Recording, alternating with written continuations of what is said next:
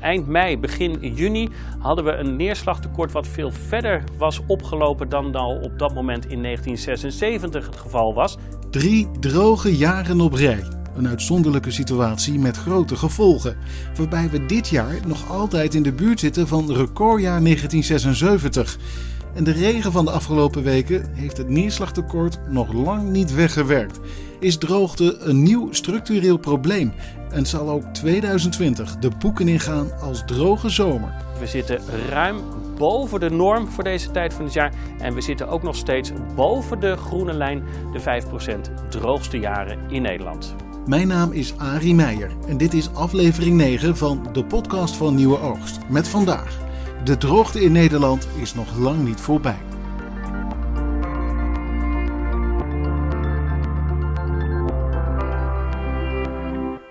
Dit voorjaar is record zonnig verlopen. Ondanks de regen van de afgelopen weken komt er voorlopig nog geen eind aan de droogte en het neerslagtekort. Maar hoe droog is het nu daadwerkelijk? Dat vraag ik aan meteoroloog Alfred Snoek van Infoplaza. Dat is het bedrijf achter Weerplaza en het agro-weeradvies. Het is heel erg droog op dit moment in Nederland. Met name eind mei, begin juni hadden we een neerslagtekort wat veel verder was opgelopen dan al op dat moment in 1976 het geval was. Het was dus uitzonderlijk droog en dat nadat we al twee droge jaren hadden gehad. Nou, verder staan we ook op dit moment op hetzelfde niveau als in 1976. En dat komt omdat we de afgelopen dagen toch weer wat vaker wisselvallig weer hebben gehad. En de komende dagen gaan er ook buien vallen. En dat betekent dat we waarschijnlijk aan de andere kant van die rode lijn terecht gaan komen. Daarmee zitten we dus onder het niveau van 1976. Maar daarmee is de droogte nog lang niet voorbij, want we zitten ruim boven de norm voor deze tijd van het jaar. En we zitten ook nog steeds boven de groene lijn, de 5% droogste jaren in Nederland. Door de neerslag van de afgelopen weken gaan we dus een klein beetje de goede kant op. Wat u in deze podcast niet ziet, is de grafiek die Alfred Snoek gebruikte in zijn antwoorden. En als je die grafiek goed bekijkt, dan zie je dat we nog zeer ver verwijderd zijn van het gemiddelde voor deze tijd van het jaar. Inmiddels is de zomer aangebroken en dat betekent dat de cijfers van de lente bekend zijn. Dat bevestigt wat we eigenlijk al wisten. Want het is niet alleen droog, het is ook heel zonnig. De astronomische lente is dit jaar zelfs recordzonnig verlopen. De zon scheen tussen 20 maart en 20 juni 859 uur en daarmee is het oude record van 762 uur ruimschoots verbroken. De meteorologische lente geeft eenzelfde beeld, want ook die was niet eerder zo zonnig als dit jaar. Ondanks een nat begin van het jaar werd het dus al snel droog. En in april van dit jaar was dat al goed merkbaar. Dat ondervond ook Marcel Scholtens uit Luttelgeest. Zulke kluiten krijg je zomaar niet kapot. Want je kan schoppen wat je wil, maar half april was de grond in de Flevopolder kurkdroog. Door alle voorbewerkingen die daardoor nodig zijn, ziet hij de dieselolie er doorheen vliegen. Als wij andere jaren zeg maar één keer voorbewerken, moeten we nu zeker twee à drie keer voorbewerken. Want niet alleen hebben we een warm en zonnige lente gehad, de winter die was ook zacht. En nu met de aardappelspoten uh, moeten we alle zeilen bijzetten om de grond goed te krijgen. Als je dit ziet, we hebben eigenlijk zo'n man met een hamer nodig. En nu letterlijk, om zulke kluiten kapot te krijgen en een mooie structuur van te maken, gaan we hem eerst beregenen. En daarna uh, voorbewerken om later de loonwerker met een ruggentrekker uh, uiteindelijk de ruggen te laten maken. Maar als we zoals andere jaren zouden doen, dat we gewoon met een roodrecht hier binnen gaan of ingaan en uh, uh, klaarmaken, dat gaat niet lukken. Dat zei Marcel Scholtens uit Luttelgeest half april. Ook Bert Broese ondervindt hinder door de droogte. De melkveehouder uit Wierde wilde eind mei eigenlijk zijn koeien buiten laten. Maar in plaats daarvan ging de haspel naar buiten. Ja, normaal heb je de koeien nog ongeveer eind mei uh, buiten. Maar er groeit helemaal niks. Vorig jaar had je nu nog gras. Die voelde dus een beetje regen, maar sinds half maart is het gewoon kort droog hier. Dus ja, ik heb toch wel besloten om te beginnen te beregenen. Hij heeft een tweedehands exemplaar online aangeschaft, maar ontdekte al snel dat je niet te lang moet nadenken over de aankoop. Je moet heel snel zijn, want deze haspel stond in twee minuten op. Toen had ik hem al. En die motor uh, ook een paar minuten. Dus als je na een uur belt, ben je alweer te laat, denk ik. Er is niets te halen voor de koeien op het land, maar dat betekent niet dat de dames niets te eten hebben. Ja, ik heb voer genoeg. Ik heb er nou eerst neder van 2019 in zitten, compleet. En ik heb er een beetje gras bijgekocht op stam. Dus de eerste neder kuil is ook behoorlijk qua omvang. Dus ah, qua voer heb ik voorlopig nog geen probleem. Alleen de mais, die slinkt behoorlijk in nu dus. Zeeland is een van de delen in Nederland waar ze last hebben van grote extreme droogte. Het seizoen voordat we begonnen zijn is eigenlijk al verloren. Akkerbouwer Paul van der Zweep uit het Zeeuwse Geersdijk vertelde een maand geleden dat er ook geen water beschikbaar is om te beregenen. Je merkt dat de stemming onder uh, de collega's uh, ja, wel langzamerhand een beetje moedeloos uh, wordt. 2 mei viel er uiteindelijk wat vocht tijdens een kleine hagelbui. En dat was hoog nodig voor het bietenzaad. Op dat vocht hebben ze moeten kiemen. En dit is het resultaat. Er staan op basis van de tellingen zo'n 35 tot 40.000 planten. Terwijl eigenlijk, uh, ja, je mikt op dubbele. Dat waren enkele reacties die wij de afgelopen maanden kregen toen we aandacht besteden aan de droogte van dit jaar. Dan wat anders, want in de eerste maanden van dit jaar kwamen ze meerdere keren voorbij. Nieuwsberichten met een voorspelling voor een droge en hete zomer. Maar hoe serieus moeten wij zulke voorspellingen nemen? Ook dat vraag ik aan weerman Alfred Snoek. Ja, ook ik heb dat soort berichten voorbij zien komen. Het zou een droge en warme zomer gaan worden.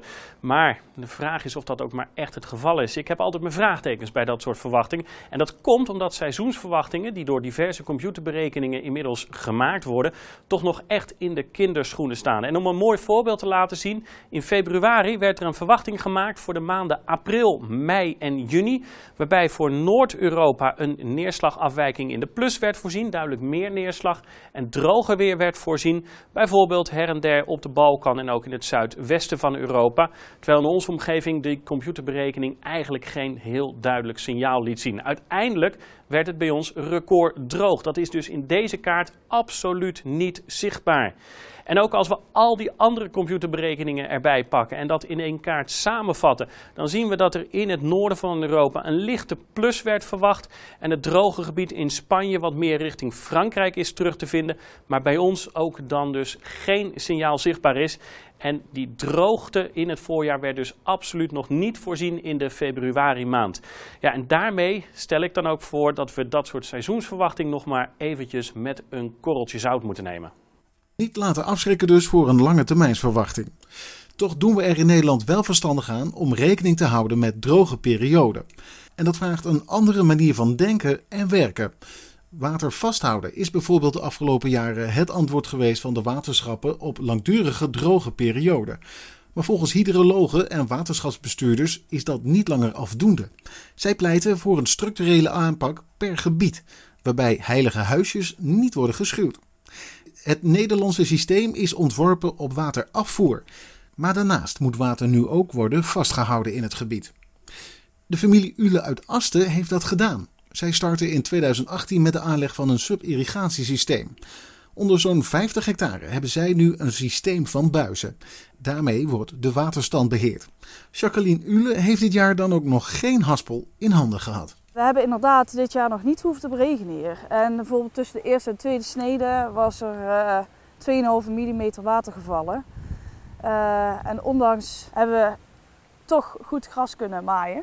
En is het er ook weer goed onderuit gekomen, de zoden. Het aanvoeren van water gebeurt bij de beek, naast een van de percelen. We maken gebruik van deze stuw de, en de beek. Uh, de stuw houdt het water op uh, een hoger peil dan het maaiveld bij ons in de huiskavel. Uh, en omdat het hier hoger is, kunnen we in de, vanuit dit punt water in ons systeem inlaten. En dit is het inlaatrooster. Maken we af en toe schoon. En via een buis onder de grond door loopt het water onze percelen in. Dan wordt het verdeeld over een elf compartimenten. De grondwaterstanden worden opgenomen aan de hand van meettrains. Dat is bedacht door Ton Broeders van Promeco. Er komt niet meer water in als per se nodig is. En als het tekort is, wordt het ook weer aangevuld. En als ik deze nu even openmaak, dan zien we een, het hefboommechanisme staan. Die vlotter bedient een hefboom en daaronderin de afsluiter.